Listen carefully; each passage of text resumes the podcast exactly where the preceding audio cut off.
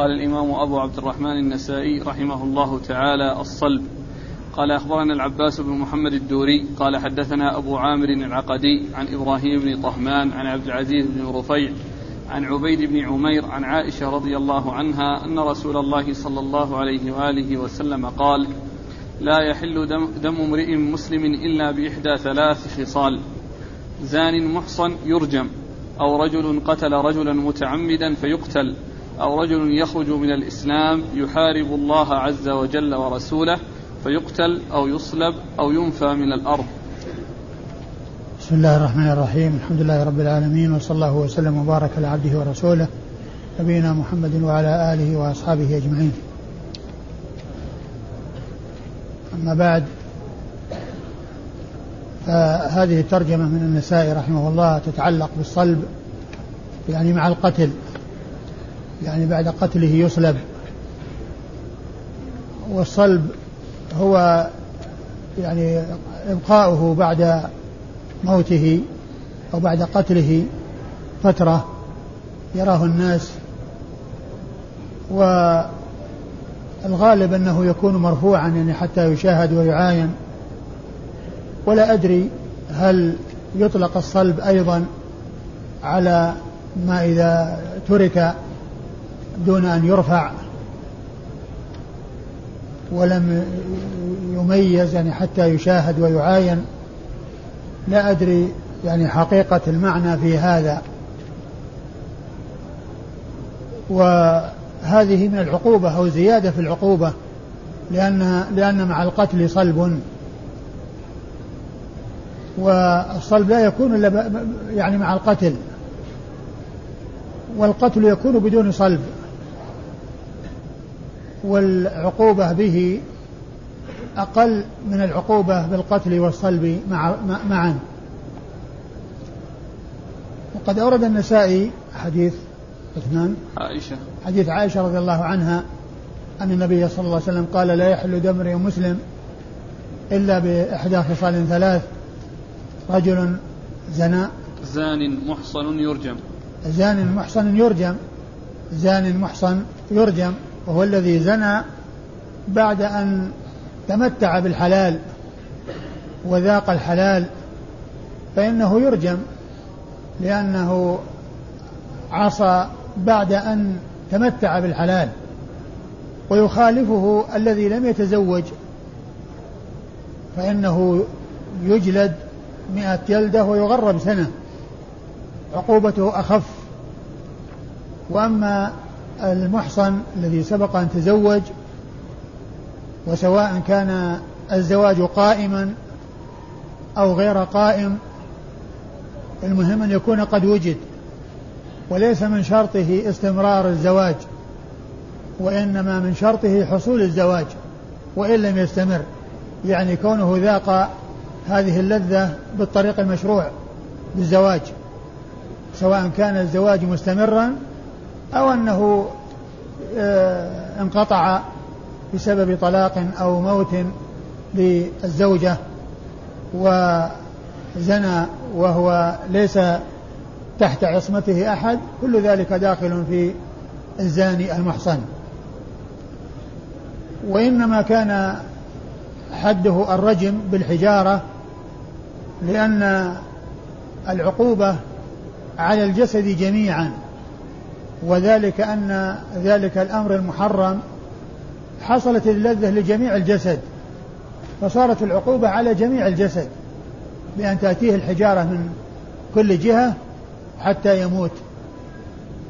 وهذا يدلنا على خطورة الزنا وأنه أمر خطير ولهذا كانت عقوبته مع الإحصان هذه العقوبة الشديدة. والمقصود من ذلك أن الحد إذا أقيم على الزاني المحصن وهو الرجم كغيره من الحدود يكون في إقامة الحد جبرا للنقص الذي حصل وهو الزنا يكون جبرا له ويكون تخويفا وزجرا لغيره حتى لا يقع في العقوب في, في, في, في, في مثل هذه الجريمة لئلا يعاقب بمثل هذه العقوبة. والحدود عند أهل السنة جوابر وزواجر. الحدود عند أهل السنة هي جوابر وزواجر. بخلاف غيرهم من أهل البدع القائلين بأنها زواجر وليست جوابر. وهم المعتزلة.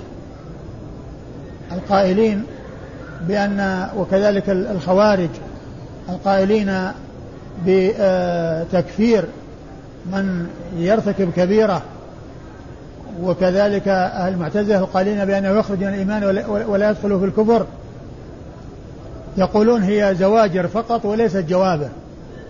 وأهل السنة يقولون هي جوابر وزواجر مع بعض.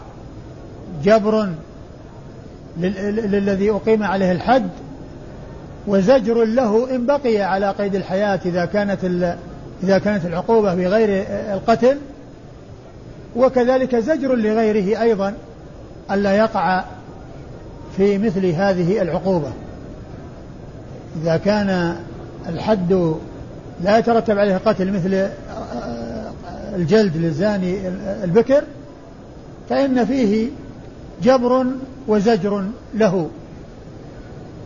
وإذا كان يترتب عليه هلاكه كرجم الزاني المحصن يترتب عليه جبر له وزجر لغيره. جبر له وزجر لغيره. وأهل السنة عندهم الحدود هي كفارات كما جاء في الحديث.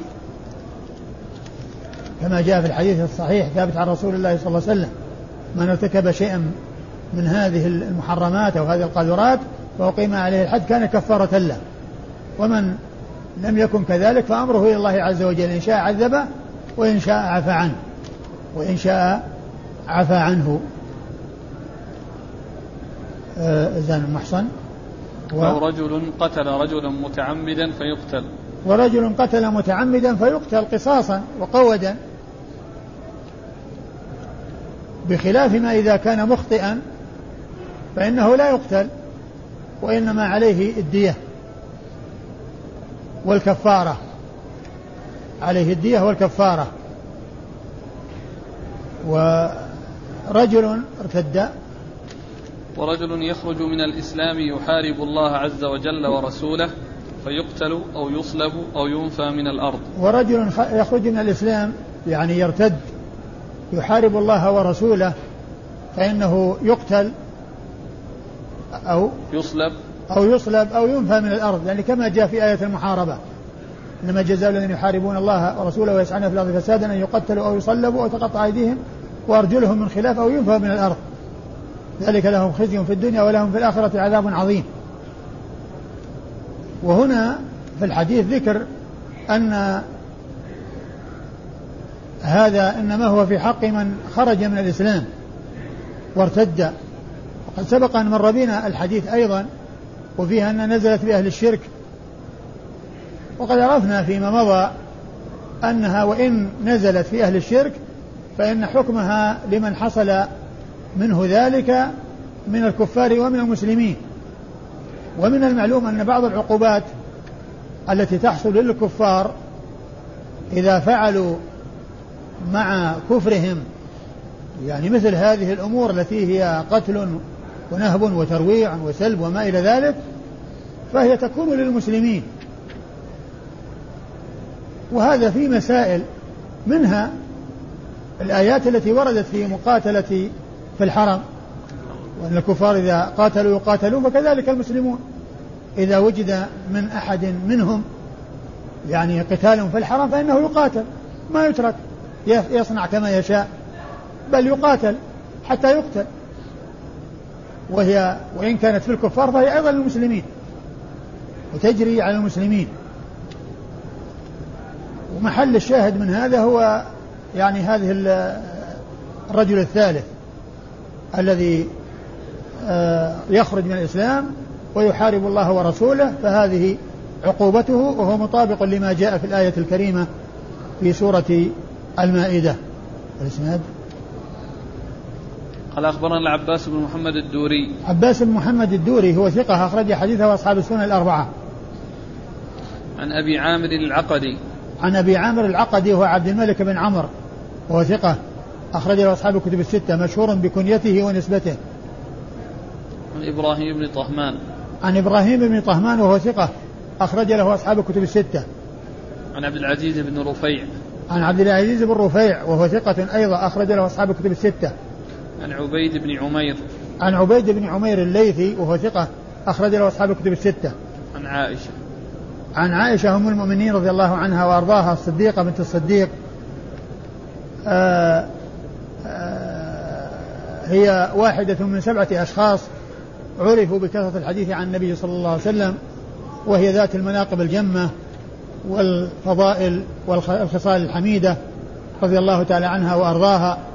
وقد مر بنا قريبا بعض الأحاديث الدالة على فضلها ومنها فضل عائشة على النساء كفضل الثريد على سائر الطعام. نعم. قال العبد يأبق إلى أرض الشرك وذكر اختلاف ألفاظ الناقلين لخبر جرير في ذلك في ذلك الاختلاف على الشعبي. قال أخبرنا محمود بن غيلان قال حدثنا أبو داود قال أخبرنا شعبة عن منصور عن الشعبي عن جرير رضي الله عنه أنه قال قال رسول الله صلى الله عليه وآله وسلم إذا أبق العبد لم تقبل له صلاة حتى يرجع إلى مواليه. ثم ورد النسائي هذه الترجمة للعبد يأبق إلى أرض الشرك. العبد إذا أبق عن آه عن سيده أو عن مولاه وهرب. فذلك من من من أكبر المعاصي ومن المعاصي الكبيرة ومن كبائر الذنوب. وإذا كان أبق إلى أرض الشرك فشر على شر وسوء إلى سوء. وإذا كان إباقه إلى أرض الشرك رضا رضا بدينهم وتركا لدين الإسلام فهذا ردة مع كونه معصية ومع كونه آه، فيه آه، إخلال بحق آه، مولاه وسيده فهو يعني شرك بالله عز وجل فهو ردة عن الإسلام ردة عن الإسلام. وإذا أبق وهرب فهو ذنب كبير. فإذا ذهب إلى أرض الشرك مقدما أو راضيا أو مرتضيا للدين الدين آه، لدين الكفار ولما كان عليه الكفار وزاهدا في دين الإسلام وراغبا عن دين الإسلام فهذه ردة. أما لو ذهب وهو باق على إسلامه ولم يحصل منه رضا بدين الكفار فإن هذا ذنب ولكنه أشد مما لو لم يذهب إلى بلاد الكفار وإلى أرض الكفار. وقد أورد النسائي حديث جرير بن عبد الله البجلي رضي الله عنه أن النبي عليه الصلاة والسلام قال إذا أبى إذا أبق العبد نعم لم تقبل له صلاة حتى يرجع إلى مواليه. إذا أبق العبد لم تقبل له صلاة حتى يرجع إلى مواليه. وهنا لم يقيده بأرض الشرك. ولكنه مطلق. وكونه قال لم تقبل له صلاة حتى يرجع إلى مواليه يفهم منه أنه لم يكفر. لأنه قيد بحرمانه من ثواب الصلاة حتى يرجع إلى مواليه. ومعنى ذلك أنه باق على إسلامه ولكنه حرم أجر هذه الصلاة هذه المدة. ومن المعلوم أن عدم القبول شيء وعدم الإجزاء شيء آخر. فإذا قيل أن الصلاة غير مجزئة معناه ما برئت الذمة بل هو بل عليه أن أن يأتي بها وعليه أن يعيدها إذا كانت غير مجزئة.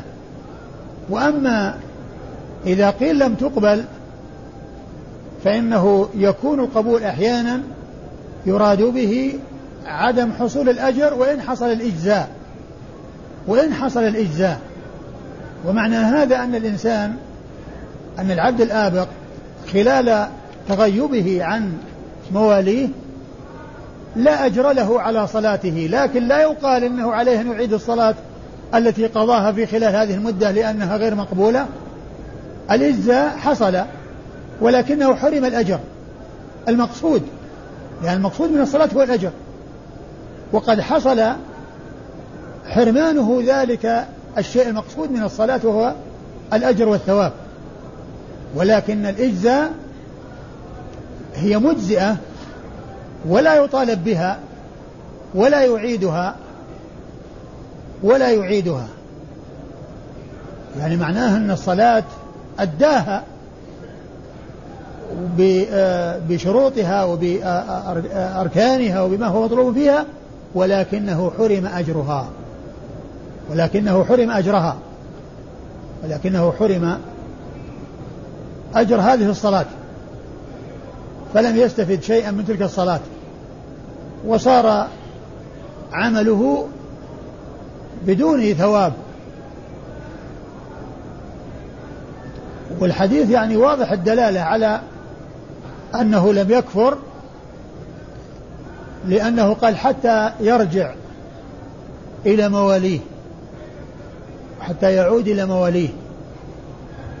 ومعنى هذا أنه خلال هذه الفترة التي هو عاص فيها هو غير كافر وصلاته لا يطالب بإعادتها ولكن المقصود منها ما حصل وهو الثواب. وهو من جنس وما جاء في هذا الحديث من جنس ما ورد في الحديث الآخر. من أتى كاهنا أو عرافا لم تقبل له صلاة أربعين يوم. يعني معناه يحرم صلاة أربعين يوم. أجر أربعين يوم. أجر الصلاة أربعين يوم. يعني يعني عقوبة يحرم ثواب مدة من الزمان. يعني ذاك هذا يعني جعل أربعين يوم وهذا جعل مدة عصيانة. وغيبته وإباقه عن سيده ومولاه. فإذا عرفنا أن القبول أن في القبول لا يعني عدم الإجزاء. وقد يكون يعني يراد به عدم الإجزاء مثل آه لا يقبل الله صلاة أحدكم إذا أحدث حتى يتوضأ. لا يقبل صلاة أحدكم إذا أحدث حتى يتوضأ. يعني معناه أنها غير مجزئة. ما دام أنه يعني على غير وضوء. لأن من أركان لأن من شروط الصلاة الوضوء أو التيمم. إذا عدم الماء أو عجز عن استعماله لا يقبل الله صلاة أحدكم إذا أحدث حتى يتوضأ يعني معناه أنه لا لا تجزئ لا عبرة بها. لكن يعني القبول أحيانا يأتي ويراد به حرمان الثواب. مع الإجزاء مع الإجزاء وعدم المطالبة بإعادة الصلاة والإتيان بها. نعم. قال أخبرنا محمود بن غيلان. أخبرنا محمود بن غيلان المروزي وهو ثقة أخرج له أصحاب الكتب الستة إلا أبا داود. عن أبي داود. عن أبي داود وهو سليمان بن داود الطيالسي ثقة أخرج له البخاري تعليقا ومسلم وأصحاب السنة الأربعة. عن شعبة. عن شعبة بن الحجاج الواسطي ثم البصري وهو ثقة وصف بأنه أمير المؤمنين في الحديث وحديثه أخرجه أصحاب الكتب الستة. عن منصور. عن منصور وهو ابن معتمر وهو ثقة أخرجه أصحاب الكتب الستة. عن الشعبي. عن الشعبي عامر بن شراحيل. الشعبي ثقة فقيه أخرج له أصحاب الكتب الستة. عن جرير. عن جرير بن عبد الله البجلي رضي الله تعالى عنه صاحب رسول الله صلى الله عليه وسلم وحديثه أخرجه أصحاب الكتب الستة. قال أخبرنا محمد بن قدامة عن جرير عن مغيرة عن الشعبي قال كان جرير رضي الله عنه يحدث عن النبي صلى الله عليه وآله وسلم إذا أبق العبد لم تقبل له صلاة وإن مات مات كافرا. وأبق غلام لجرير فأخذه فضرب عنقه. ثم ورد النسائي حديث جرير بن عبد الله البجلي من طريق أخرى وفيه إذا أبق العبد لم تقبل له صلاة وإن مات مات كافرا. وفيه أيضا القصة وهي قصة العبد الذي أبق لجرير فأخذه فقتله. وهذا الحديث ذكر الشيخ الألباني أنه شاذ لأن فيه ذكر الكفر وقد مر في الحديث السابق أنه إذا أبق لا تقبل له صلاة حتى يرجع إلى مواليه وهو يعني يكون غير كافر. وهنا قال إنه كافر. فعلى هذا يعني على ما ذكره الشيخ الألباني يكون شاذا مع صحة الإسناد. يكون شاذا مع صحة الإسناد. ويمكن أن يحمل على ظاهره إذا أريد به أنه رضي بدين الكفار ولحق بالكفار راضيا بدينهم. إذا كان لحق بالكفار وأما إذا كان لم يلحق بالكفار فالأمر في ذلك واضح.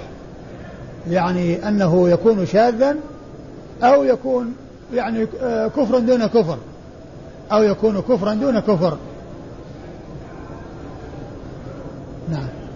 قال أخبرنا محمد بن قدامة. أخبرنا محمد بن قدامة المصيصي وهو ثقة أخرج حديثه. أبو داود والنسائي بن ماجه. أخرج حديثه أبو داود والنسائي وابن ماجه. عن جرير. عن جرير بن عبد الحميد الضبي وهو ثقة أخرج له أصحاب الكتب الستة. عن مغيرة. عن مغيرة بن مقسم الضبي وهو ثقة أخرج له أصحاب الكتب. أخرج ثقة أخرج له أصحاب الكتب الستة. عن الشعبي عن جرير. ومغيرة بن مقسم الضبي هذا هو الذي ذكروا في ترجمته أنه احتلم وهو ابن اثنى عشرة سنة أو ابن ثلاثة عشر سنة يعني بلغ بلغ مبكرا يعني وعمره اثنى عشر سنة أو ثلاثة عشر سنة. أيوة. عن الشعبي عن جرير. عن الشعبي عن جرير وقد مر ذكرهما. ها؟ ها؟ جرير. نعم. نعم. نعم. على أنه لا يمكن أنه والي لأنه آه، كان يعني سيدا في قومه وكان يعني آه، الرسول صلى الله عليه وسلم عندما يبايع يعني يبايع كلا بما يعني آه، يناسبه يعني من ناحية يعني ما هو مبرز فيه. ولهذا لما كان يعني زعيما وكبيرا ويعني قال في حقه الرسول صلى الله عليه وسلم عند المبايعة بايعه على النصح لكل مسلم بالإضافة إلى السمع والطاعة. يعني آه، السمع والطاعة والنصح لكل مسلم. نعم. لكن قتله القتل القتل يعني كما هو معلوم لا يقيم الحد يعني آه، إلا السلطان. وقد جاء بالنسبة للحد على الأمة أن أن أن, أن وليها يقيم عليها الحد أي سيدها. ولا يثرب إذا زنت. يقيم عليها الحد ولا يثرب. يعني لا يعني يعيبها ولا يعني يتكلم فيها ويشهر بها. وهنا يعني آه، إما يعني أن يكون يعني آه، يحتمل أن يكون يعني أنه آه، يعني والي. وعلى هذا فإقامة الحد من السيد إذا كان واليا على ناحية يعني من السلطان. أو من نائب السلطان ها؟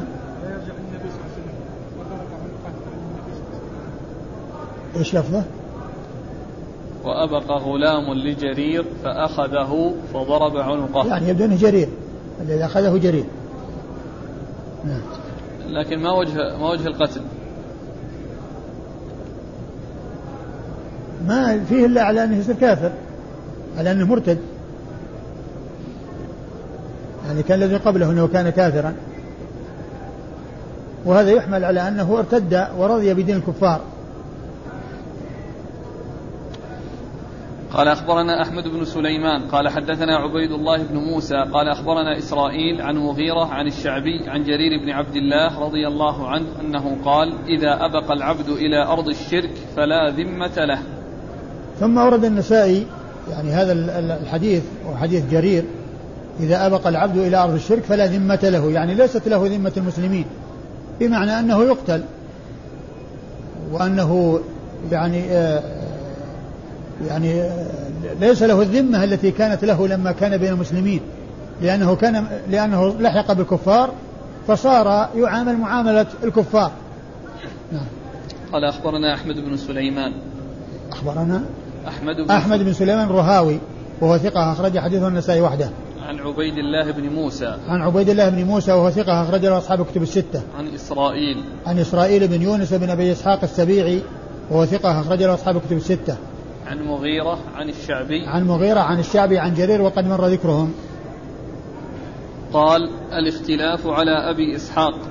قال أخبرنا قتيبة. قال حدثنا حميد بن عبد الرحمن عن أبيه عن أبي إسحاق عن الشعبي عن جرير رضي الله عنه أنه قال قال رسول الله صلى الله عليه وآله وسلم إذا أبق العبد إلى أرض الشرك فقد حل دمه. ثم أورد النسائي حديث جرير.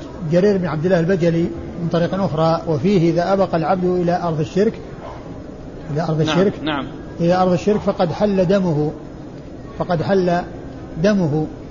وهو بمعنى فلا ذمة له. فلا ذمة له الذي مر أنه ليست له ذمة المسلمين لأنه آه، لحق بالكفار. قد آه، حل دمه ويوافق يعني ما تقدم من فعل جرير الذي جاء في الحديث الذي قبل هذا أنه آه، يعني كان كافرا وأنه أخذه فقتله يعني على أنه كان كافرا وأنه رضي بدين الكفار.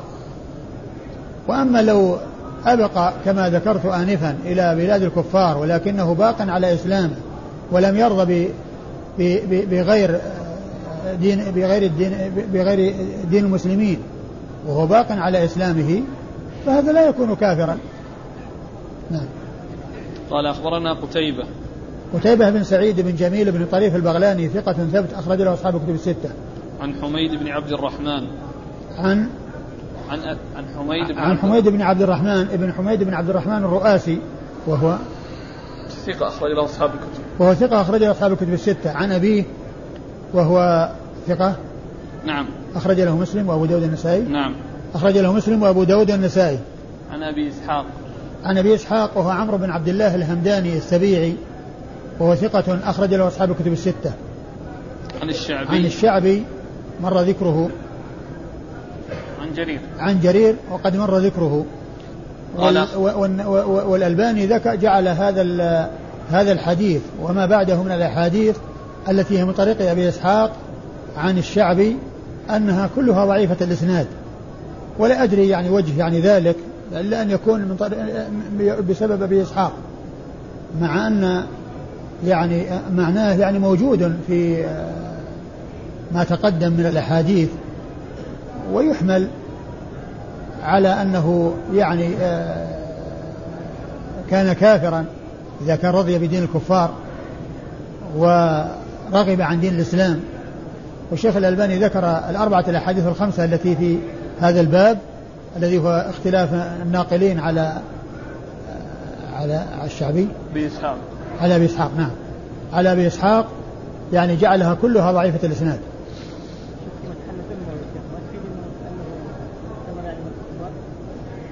نعم. مثل مثل وكان كافرا ذيك اللي راحت. يعني يعني يبدو إنه يعني على اعتبار إنه يعني كان كافرا. يعني إنه رضي بدين الكفار. نعم. قال أخبرنا أحمد بن حرب قال حدثنا قاسم قال حدثنا إسرائيل عن أبي إسحاق عن جرير. آه الإسناد؟ قال أخبرنا أحمد بن حرب قال أحمد, أحمد بن حرب الموصلي. لا لا. ها؟ بقينا بس الإسناد فيه نقص أيوه قال أخبرنا أحمد بن حرب قال حدثنا قاسم قال حدثنا إسرائيل عن أبي إسحاق عن جرير هذا الإسناد أي إسناد يعني؟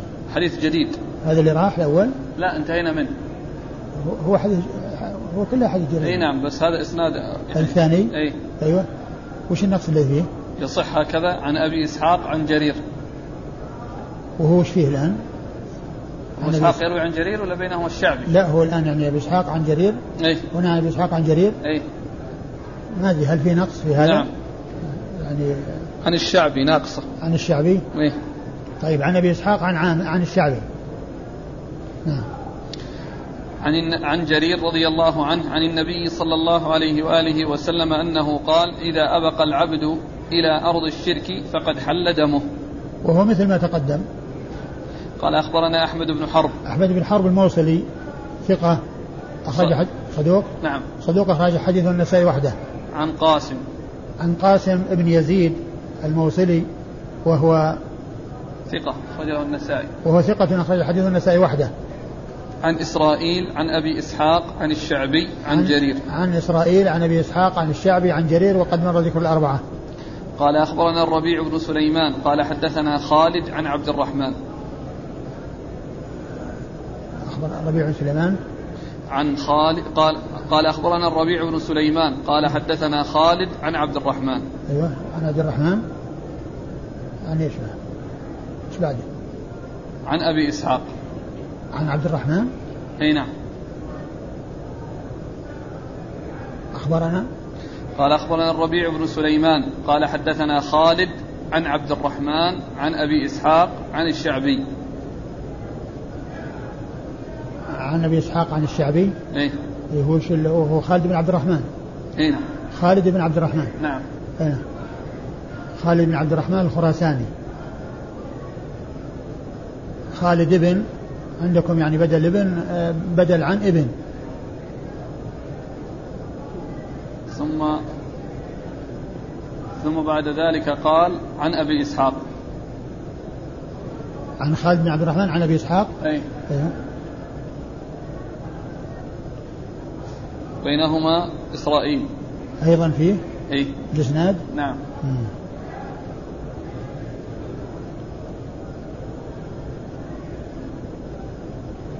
عن أبي إسحاق عن الشعبي عن جرير رضي الله يعني عنه. يعني ذاك سقط الشعبي وهنا سقط إسرائيل. نعم. نعم. عن جرير رضي الله عنه أنه قال أيما عبد أبق إلى أرض الشرك فقد حل دمه. وهذا مثل الذي قبله. الإسناد؟ لكنه موقوف. نعم. أيما موقوف على جرير. نعم. قال أخبرنا الربيع بن سليمان. الربيع بن سليمان هو المرادي المصري ثقة أخرج أصحاب السنة الأربعة. عن خالد بن عبد الرحمن. عن خالد بن عبد الرحمن الخراساني وهو؟ صدوق له أوهام. صدوق صدوق له أوهام. أخرج له أبو داود والنسائي. أخرج له أبو داود والنسائي. عن إسرائيل عن أبي إسحاق عن الشعبي عن جرير. وقد مر ذكر الأربعة. قال أخبرنا صفوان بن عمرو قال حدثنا أحمد بن خالد قال حدثنا إسرائيل عن أبي إسحاق عن الشعبي عن جرير رضي الله عنه أنه قال أيما عبد أبق إلى أرض الشرك فقد حل دمه. وهذا مثل الذي قبله وهو أيضا موقوف. قال أخبرنا صفوان بن عمرو. صفوان بن عمرو وهو صدوق أخرج له النسائي. وهو صدوق أخرج حديث النسائي وحده. عن أحمد بن خالد. عن أحمد بن خالد نعم الوهبي. صدوق أخرج له أخرج له البخاري في جزء القراءة وأصحاب السنن. وهو صدوق أخرج له البخاري في جزء القراءة وأصحاب السنن. ما فيه البخاري في الأدب المفرد؟ أيضا. البخاري في جزء القراءة والأدب المفرد وأصحاب السنن الأربعة. نتثبت من النسخة الثانية. ها؟ أقول نتثبت من النسخة الثانية هنا. وغالبا إذا كان البخاري روى في جزء في, في الأدب المفرد يعني ما يذكر غيره. ولكنه أحيانا يأتي ذكر الجزء القراءة مع الأدب المفرد. والأصل أن الأدب المفرد إذا يعني كان البخاري روى عن شخص في الأدب المفرد أنه يكتفى به. في النسخة الثانية فقط راء والأربعة. راء والأربعة؟ إيه. على كل إذا يتحقق من يتحقق من تهذيب الكمال المزي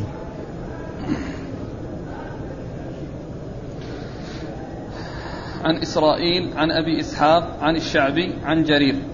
وقد مر ذكر أربعة. قال أخبرنا علي بن حجر قال حدثنا شريك عن أبي إسحاق عن عامر عن جرير رضي الله عنه أنه قال أيما عبد أبق من مواليه ولحق بالعدو فقد أحل بنفسه. ثم ورد النسائي الحديث من طريق أخرى وهو مثل ما تقدم وفيه إلا أنه يختلف عنه في اللفظ حيث قال فقد آه لحق بأرض العدو فقد أحل بنفسه يعني أحل بنفسه القتل أحل بنفسه القتل والاستحقاق للقتل. نعم. قال أخبرنا علي بن حجر. علي بن حجر بن إياس المروزي السعدي وهو ثقة أخرج حديثه البخاري ومسلم والترمذي والنسائي. عن شريك. عن شريك بن عبد الله القاضي وهو صدوق كثير الخطأ. أخرج حديثه البخاري تعليقا ومسلم وأصحاب السنة الأربعة. عن أبي إسحاق عن عامر عن جرير. عن أبي إسحاق عن عامر وعامر هو الشعبي. يعني يذكر أحيانا باسمه وأحيانا بنسبته.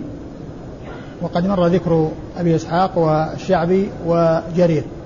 قال الحكم في المرتد. قال أخبرنا أبو الأزهر أحمد بن الأزهر النيسابوري. قال حدثنا إسحاق بن سليمان الرازي. قال أخبرنا المغيرة بن مسلم عن مطر الوراق عن نافع عن ابن عمر رضي الله عنهما أن عثمان رضي الله عنه قال سمعت رسول الله صلى الله عليه وآله وسلم يقول لا يحل دم امرئ مسلم إلا بإحدى ثلاث. رجل زنى بعد إحصانه فعليه الرجم أو قتل عمدا فعليه القود القود أو ارتد بعد إسلامه فعليه القتل. ثم ورد النسائي الحكم في المرتد وهو أنه يقتل. يعني إذا ارتد عن الإسلام بعد أن دخل فيه خرج من الظلمات إلى النور ثم رجع من النور إلى الظلمات والعياذ بالله. فإن حكمه أنه يقتل. يستتاب فإن تاب وإلا قتل. وقد أورد النساء وقد أورد النسائي حديث عثمان بن عفان رضي الله عنه أنه لا يحل دم امرئ مسلم إلا بإحدى ثلاث رجل زنى بعد إحصانه بعد إحصان فعليه الرجم. فعليه الرجم ورجل قتل عمدا فعليه. عمدا فعليه القود.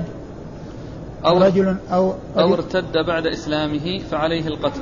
أو ارتد بعد إسلامه فعليه القتل. فعليه القتل. أو ارتد بعد إسلامه فعليه القتل. يعني خرج من الدين الإسلامي الحنيف إلى الدين الباطل وإلى دين أهل الشرك والكفر بالله عز وجل فإنه يستتاب فإن تاب وإلا قتل. نعم. قال أخبرنا وكلمة رجل هذه لا مفهوم لها فكذلك المرأة. فكذلك المرأة لأن الأحكام التي تجري على الرجال تجري على النساء إلا إذا جاء شيء يخص النساء إلا إذا جاء شيء يخص الرجال ويميزهم عن النساء في في الحكم. وإلا فإن الأصل هو التساوي في الأحكام. وقد مر بنا أمثلة عديدة يعني من هذا القبيل. مثل قوله لا تتقدم رمضان بيوم أو يومين إلا رجل كان يصوم صوما فليصومه. مثله المرأة اللي كانت تصوم. ومثل أيما رجل قد أفلس. أيما رجل وجد متاعه عند رجل قد أفلس. يعني سواء كان يعني رجل أو امرأة. يعني هو أحق به من الغرماء. وغيره كثير. ذكر الرجل لا مفهوم له. نعم. قال أخبرنا أبو الأزهر أحمد بن الأزهر النيسابوري. أبو, أبو الأزهر أحمد بن الأزهر النيسابوري وهو صدوق يهم. لا صدوق فقط. صدوق فقط. أخرج له النسائي وابن ماجه. صدوق أخرج حديث النسائي وابن ماجه. عن إسحاق بن سليمان الرازي. عن إسحاق بن سليمان الرازي وهو ثقة أخرج له أصحاب الكتب الستة. عن المغيرة بن مسلم. عن المغيرة بن مسلم وهو صدوق. أخرج له البخاري في الأدب المفرد والترمذي والنسائي وابن ماجه. صدوق أخرج البخاري في الأدب المفرد والترمذي والنسائي وابن ماجه. عن مطر الوراق. عن مطر الوراق وهو صدوق يخطئ كثيرا. كثير الخطأ وهو صدوق كثير الخطأ. أخرج حديث أصحاب الكتب. البخاري تعليقا ومسلم وأصحاب السنن. أخرج حديث البخاري تعليقا ومسلم وأصحاب السنن الأربعة. عن نافع. عن نافع مولى ابن عمر وهو ثقة أخرج له أصحاب الكتب الستة. عن ابن عمر عبد الله بن عمر بن الخطاب رضي الله عنهما أحد العبادلة الأربعة من أصحاب النبي عليه الصلاة والسلام وأحد السبعة المعروفين بكثرة الحديث عن النبي صلى الله عليه وسلم. عن عثمان. عن عثمان بن عفان رضي الله تعالى عنهما وقد مر ذكره.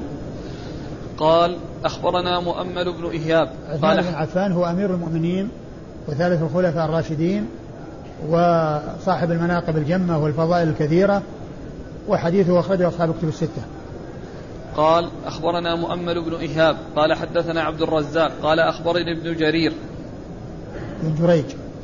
قال أخبرني ابن جريج عن أبي النضر عن بسر بن سعيد عن عثمان بن عفان رضي الله عنه أنه قال سمعت رسول الله صلى الله عليه وآله وسلم يقول لا يحل دم امرئ مسلم إلا بثلاث أن, يز أن يزني بعدما أحصن أو يقتل إنسانا فيقتل أو يكفر بعد إسلامه فيقتل. وهذا مثل ما تقدم. قال أخبرنا مؤمل بن إيهاب. مؤمل بن إيهاب وهو صدوق. صدوق له أوهام. صدوق له أوهام أخرج حديثه. أبو داود والنسائي. أخرج حديثه أبو داود والنسائي. عن عبد الرزاق. عن عبد الرزاق بن همام الصنعاني ثقة أخرج له أصحاب كتب الستة. عن ابن جريج. عن ابن جريج عبد الملك بن عبد العزيز بن جريج المكي ثقة فقيه يرسل ويدلس وحديثه أخرج أصحاب كتب الستة. عن أبي النضر. عن أبي النضر نعم. وهو سالم عن أبي النضر سالم بن أبي أمية وهو ثقة أخرج له أصحاب كتب الستة. عن بسر بن سعيد.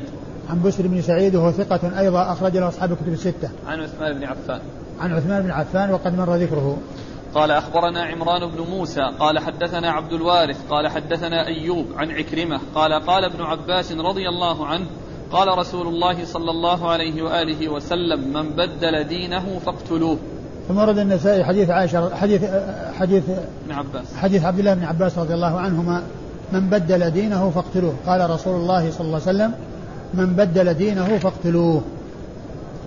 وهذا يدل على أن من بدل دينه الحنيف الذي هو دين الحق بأن خرج من الإيمان إلى الكفر فإنه يقتل لردته وارتداده عن الإسلام. وهو مثل ما تقدم في حديث عثمان أنه آه، رجل كفر بعد إسلامه رجل كفر بعد إسلامه يعني معناه أنه خرج من الدين الحنيف إلى دين الكفر والشرك بالله عز وجل فحكمه القتل. وهو عام في الرجل والمرأة في الرجال والنساء لأن من بدل دينه فاقتلوه يعني لفظ عام يشمل الرجال والنساء.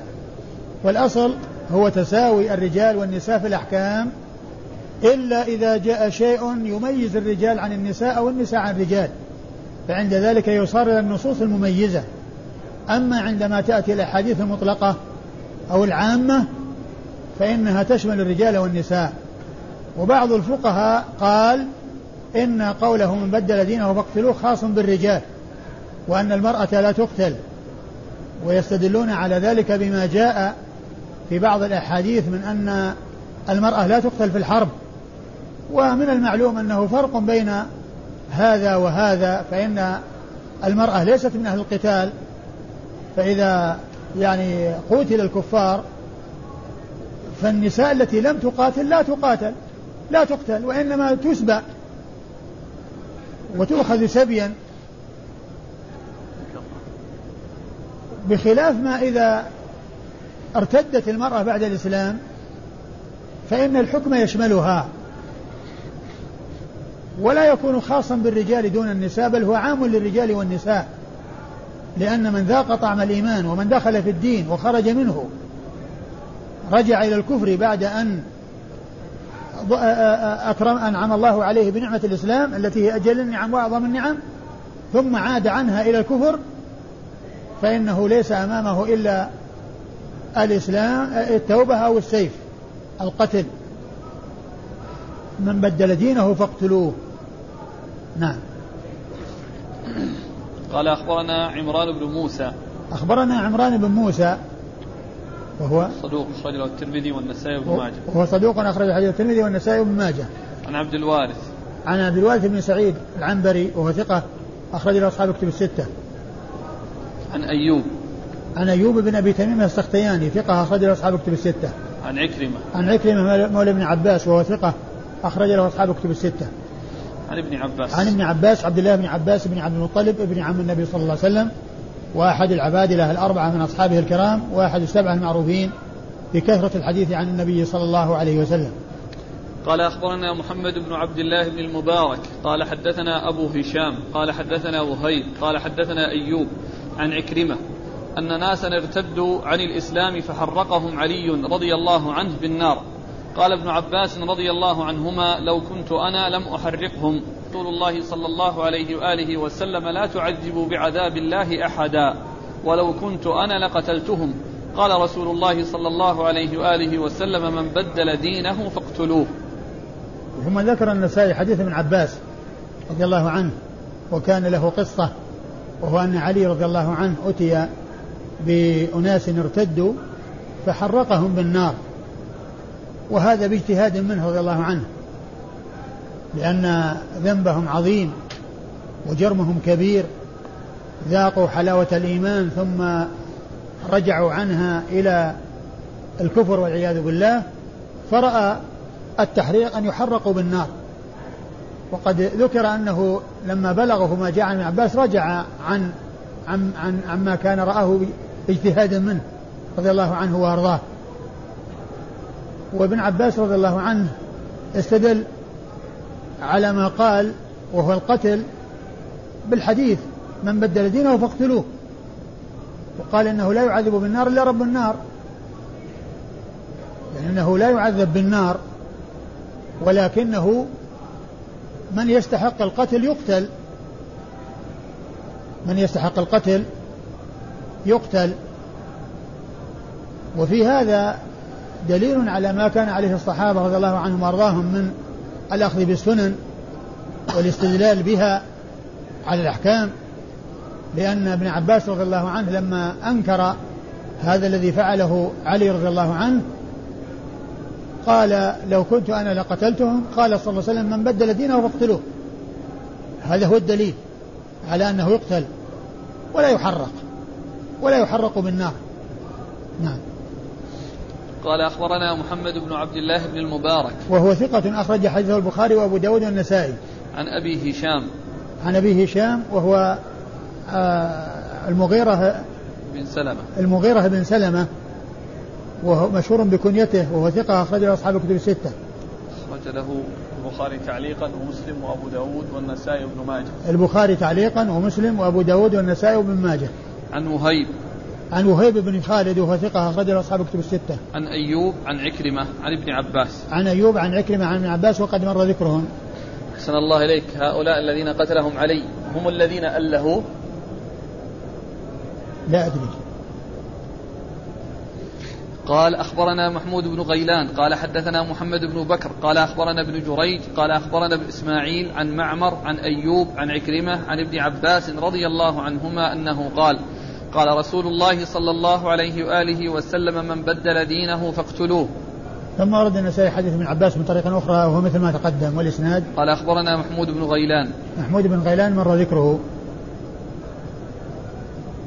محمود بن غيلان المروزي مر ذكره قريبا. عن محمد بن بكر. عن محمد بن بكر وهو ثقة أخرج أصحاب الكتب. صدوق قد يخطئ. صدوق قد يخطئ أخرج أصحاب الكتب الستة. عن ابن جريج عن إسماعيل. عن ابن جريج وقد مر ذكره عن إسماعيل وهو بن علية وهو ثقة أخرج له أصحاب الكتب الستة. عن معمر. عن معمر بن راشد وهو ثقة أخرج له أصحاب الكتب الستة. عن أيوب عن عكرمة عن ابن عباس. عن أيوب عن عكرمة عن ابن عباس. ومن المعلوم أن النسائي يروي عن إسماعيل بن علية بواسطة شخص واحد لأنه من طبقة شيوخ شيوخه.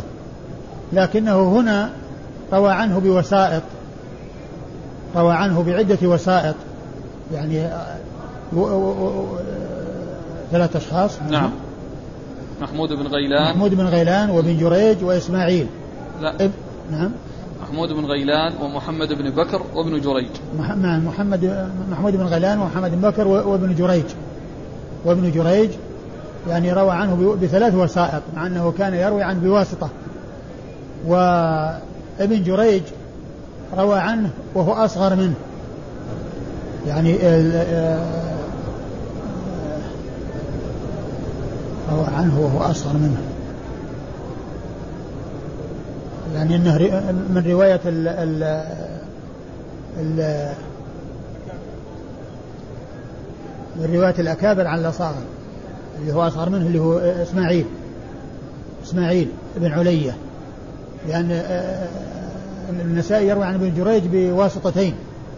ويروي عن إسماعيل بواسطة فهو روى عنه ابن جريج وهو أصغر منه الذي هو يعني آه، اللي هو إسماعيل. نعم. قال أخبرنا هلال بن العلاء قال حدثنا إسماعيل بن عبد الله بن زرارة قال حدثنا عباد بن العوام قال حدثنا سعيد عن قتادة عن عكرمة عن ابن عباس رضي الله عنهما أنه قال قال رسول الله صلى الله عليه وآله وسلم من بدل دينه فاقتلوه. ثم ورد النسائي الحديث من طريق أخرى وهو مثل ما تقدم. قال أخبرنا هلال بن العلاء. هلال بن العلاء صدوق أخرج حديثه النسائي وحده. عن إسماعيل بن عبد الله بن زرارة. عن إسماعيل بن عبد الله بن زرارة وهو صدوق أخرج حديثه النسائي. قد ذكر في في التقريب آه، آه، تمييز. يعني ليس له رواية في الكتب. مع أنه يعني موجود في هذا الإسناد. إسماعيل بن عبد الله بن زرارة. عن عباد بن العوام. عن عباد بن العوام وهو ثقة أخرج له أصحاب كتب الستة. عن سعيد. عن سعيد بن أبي عروبة وهو ثقة أخرج له أصحاب كتب الستة. عن قتادة. عن قتادة من دعامة السدوسي البصري وهو ثقة أخرج له أصحاب كتب الستة. عن عكرمة عن ابن عباس. عن عكرمة عن ابن عباس وقد مر ذكرهما. قال أخبرنا موسى بن عبد الرحمن قال حدثنا محمد بن بشر قال حدثنا سعيد عن قتادة عن الحسن قال قال رسول الله صلى الله عليه وآله وسلم من, من بدل دينه فاقتلوه. قال أبو عبد الرحمن وهذا أولى بالصواب من حديث عباد. ثم ورد النسائي الحديث مرسلا عن الحسن البصري وهو مثل ما تقدم والإسناد. قال أخبرنا موسى بن عبد الرحمن. موسى بن عبد الرحمن المسروقي وهو ثقة أخرج حديثه. الترمذي والنسائي وابن ماجه. الترمذي والنسائي وابن ماجه. عن محمد بن بشر. عن محمد بن بشر العبدي وهو ثقة أخرج له أصحاب كتب الستة. عن سعيد عن قتادة عن الحسن. عن سعيد عن قتادة وقد مر ذكرهما عن الحسن وهو ابن أبي الحسن البصري وهو ثقة يرسل ويدلس وقد أخرج حديثه أصحاب الكتب الستة وهذا من مراسيله. يقول أبو عبد الرحمن وهذا أولى بالصواب من حديث عباد. ما أدري من جهة المقارنة بين عباد وبين محمد بن بشر. محمد بن بشر العبدي يعني آه لأنه رواه من هذا الطريق وهذا اللي هو عباد ابن العوام رواه من ذلك الطريق المتقدم. وكما هو معلوم يعني يمكن أن يكون من الطريقين. فلا تعل واحدة بالأخرى. نعم.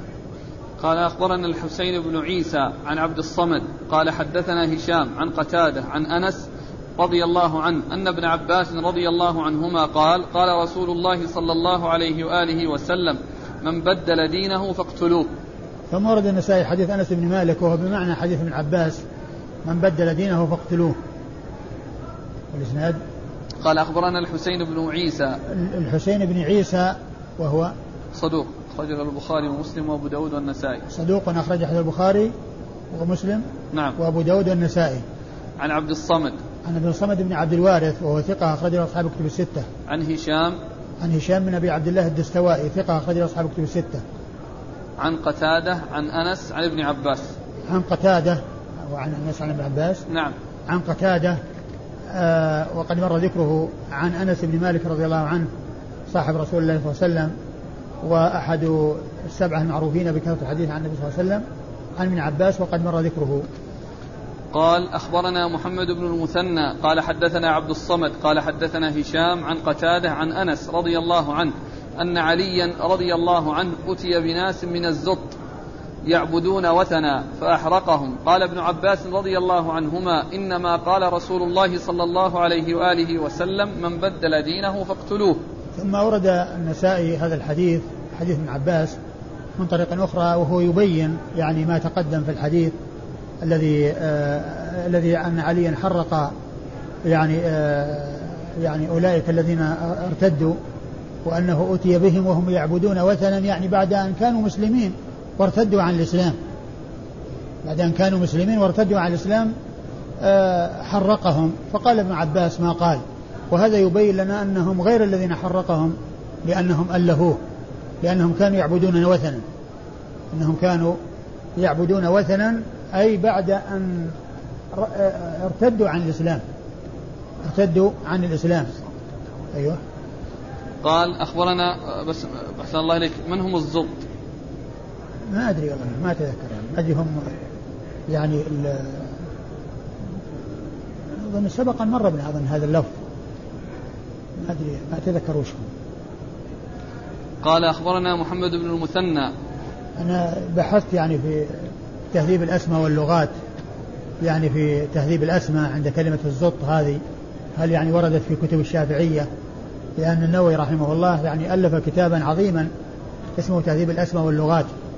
يعني الألفاظ التي وردت غريبة في كتب الشافعية أو الأسماء الذين ورد ذكرهم في كتب الشافعية فإنه يعني يبين معاني تلك الكلمات ويترجم لأولئك الذين العلماء أو الرجال الذين ذكروا وليس فيه ذكر الزط لكن كان في بالي أنه مر بنا يعني هذا اللفظ يعني فيما مضى.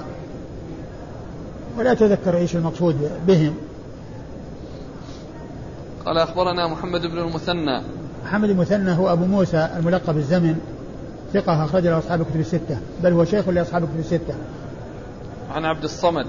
عن عبد الصمد بن عبد الوارث وقد مر ذكره؟ نعم لكن الظاهر أننا أخطأنا آه. في درجته. أيوة. وش درجته؟ مو بثقة؟ لا صدوق. صدوق؟ نعم. عبد الصمد بن عبد الوارث العنبري. لأنه اشتبه علينا مع عبد الوارث الذي سبق ذكره. إيه. لك عبد الوارث بن سعيد ثقة؟ إيه. نعم. هذا عبد الصمد بن عبد الصمد صدوق. أخرج له أصحاب الكتب الستة. آه عن هشام عن قتادة عن أنس. عن هشام عن قتادة عن أنس عن ابن عباس وقد مر ذكره. لا لا. إيه نعم. ما في ابن عباس؟ بلى بلى بلى. أيوه. والله تعالى أعلم وصلى الله وسلم وبارك على عبده ورسوله نبينا محمد وعلى آله وأصحابه أجمعين.